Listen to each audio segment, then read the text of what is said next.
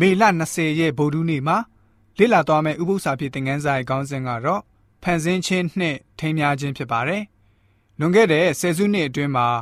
ထိမ်းမြားခြင်းနဲ့ပတ်သက်ပြီးတော့လူဝန်းကျင်နဲ့အာဏာရအာဏာပိုင်တွေကနေကြောက်မက်ဖွယ်ကောင်းတဲ့ပြောင်းလဲမှုမျိုးကိုလှုပ်ဆောင်ခဲ့ကြပါတယ်။နိုင်ငံတော်တော်များများမှာဆိုလို့ရှိရင်လိန်တူထိမ်းမြားခြင်းဥပဒေကိုတရားဝင်ပြဋ္ဌာန်းလာကြပါတယ်။ယောက်ျားတဦးနဲ့မိန်းမတဦးကို ထိမ်းမြားခွင့်ဥပဒေကို ထားရှိထားခြင်းကတော့မိသားစုလုံခြုံမှုအတွက်ပြဋ္ဌာန်းခဲ့တော်လဲပဲအဲ့ဒီဥပဒေကိုတဆင့်တိုးပြီးတော့ယောက်ျားကိုယောက်ျားနဲ့မိန်းမကိုမိန်းမနဲ့ထိမ်းမြားခွင့်ဥပဒေကိုအတည်ပြုလာကြပါတယ်လူတွေရဲ့လေးစားထောက်ခံခြင်းများများဆဆမရရှိသလိုထိမ်းမြားလက်တက်ခြင်းနဲ့အိမ်အောင်တိဆောက်ရေးအတွက်ပု္ပ္ပာမေကွန်းတွေဖြစ်လာရပါတယ်အသင်းတော်နဲ့အာနာပိုင်အကြားနားလည်မှု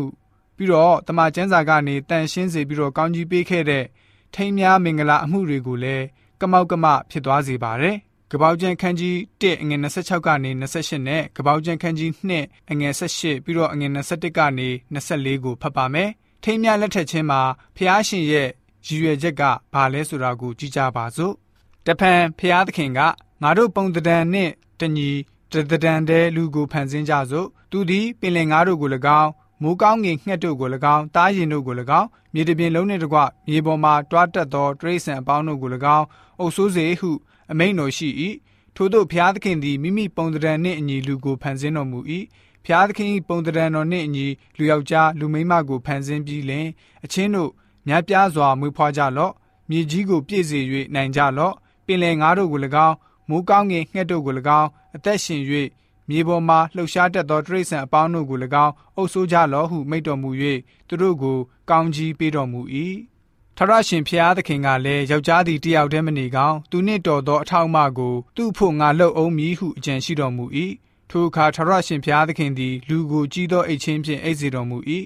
လူသည်အိပ်ပျော်စဉ်နံရိုးတစ်ချောင်းကိုဖျားသခင်ထုတ်ပြီးလင်ထိုအယိုးအစားအသားကိုဆစ်ဆက်စေတော်မူ၏ထရရှင်ဖျားသခင်သည် လူတဲကထုတ်သောနံရိုးဖြင့်လူမိမကိုဖန်ဆင်း၍လူရှိရာသို့ဆောင်ခဲ့တော်မူ၏လူကလည်းယခုဤသူသည်ငါအယိုးထဲကအယိုးငါအသားထဲကအသားဖြစ်၏လူတဲကထုတ်သောကြောင့်သူ့ကိုလူမိမဟုခေါ်ဝေါ်အပ်သည်ဟုဆိုလေ၏ထိုအကြောင်းကြောင့်ယောက်ျားသည်ကိုမိဘကိုစွန့်၍ကိုခင်မော၌မှီဝဲသဖြင့်ထိုသူတို့သည်တသားတကူတည်းဖြစ်ရလိမ့်မည်ဆိုပြီးတော့ဖော်ပြထားပါတယ်။စတ္ထမနေ့ရောက်လာတဲ့အခါမှာဖျားရှင်ဟာဖန်ဆင်းခြင်းအမှုကိုလက်ဆက်သက်တော်မူပြီးတော့ အထွတ်အထိပ်ဆုံးဖန်ဆင်းခြင်းဖြစ်တဲ့လူသားကိုဖန်ဆင်းတော်မူပါတယ်။ဒီနေရာမှာကပောက်ကျန်းခန်းကြီး1ငွေ26ကိုဖတ်ရှုလိုက်တဲ့အခါမှာဖျားရှင်ဟာဘဟုဝုတ်အများကင်းကနန်းကိုစတင်မိတ်ဆူလာတာကိုတွေ့ရပါတယ်။ငါတို့ဤပုံတံနှင့်အညီလူကိုဖန်ဆင်းကြစို့ဆိုပြီးတော့သုံးပါပေါင်းစုံထားတဲ့ဖျားရှင်ဟာအပြန်အလှန်ညီညာတဲ့စိတ်နဲ့လူသားကိုဖန်ဆင်းပြီးတော့ထိမ်းမြခြင်းအမှုကိုပြုပေးတော်မူပါတယ်။တမန်ကျမ်းစာကနေထိမ်းမြခြင်းကိုသတ်မှတ်ထားချက်ကတော့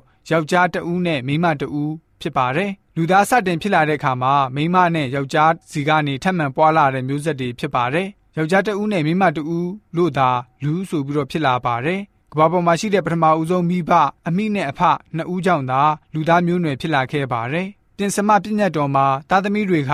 မိဘကိုယူသေးကြရမယ်လို့ပြညတ်ထားတာတွေ့ရှိရပါတယ်။လိန်တူထိမ်းများတဲ့ယောက်ျားဒါမှမဟုတ်မိန်းမတွေဟာသားသမီးတွေမွေးစားရယူသည့်တိုင်အောင် ပြင်စမပြညတ်ချက်ကိုဘယ်လိုစောင့်ထိန်လို့အကျုံးဝင်နိုင်မလဲ။ပြန်လည်ပြီးတော့စဉ်းစားကြည့်ပါ။ရှမသက်ခရစ်ဝင်ခန်းကြီး19ငွေ3ကနေ6ကိုဖတ်ပါမယ်။ဖရိရှဲတို့သည်အထံတော်သို့လာ၍လူသည်ခတ်သိမ်းသောအပြစ်ကြောင့်မိမိမယားနှင့်ကြွာအပ်သလောဟုစုံစမ်းနှောက်ယှက်ခြင်းကမိလျှောက်ကြသောကိုတော်ကအစအဦး၌ဖန်ဆင်းတော်မူသောသူသည်ယောက်ျားနှင့်မိန်းမနှစ်ယောက်တည်းကိုဖန်ဆင်းတော်မူ၏ထိုအကြောင်းကြောင့်ယောက်ျားသည်ကိုမိဘကိုစွန့်၍ကိုခင်မော၌မှီဝဲသဖြင့်ထိုသူနှစ်ယောက်တို့သည်တသားတကိုယ်သည်ဖြစ်ရလိမ့်မည်ဟု ကျမ်းဆိုသည်ကိုသင်တို့မဖတ်ဘူးသလောထို့ကြောင့်လင်မယားတို့သည်နှစ်ဦးမဟုတ်တဦးတည်းဖြစ်၏ဖျားသခင်ဖက်ဆက်၍တဘိုးတင်တော်မူသောအရာကိုလူမခွဲမခွာစေနှင့်ဟုမိန့်တော်မူ၏ဆိုပြီးတော့ဖော်ပြထားပါတယ်ယေရှုရှင်ရဲ့နှုတ်တော်ထွက်စကားအလင်းတော်အရကျွန်တော်တို့အားလုံးဟာအပြစ်သားများဖြစ်ကြပြီးတော့ဖျားရှင်ရဲ့မြစ်တာတော်ကိုမမေ့လျော့ဖို့လိုပါတယ်။ဒီလိုကြောင့်ကျွန်တော်တို့ယုံကြည်သူများအနေနဲ့ဖျားရှင်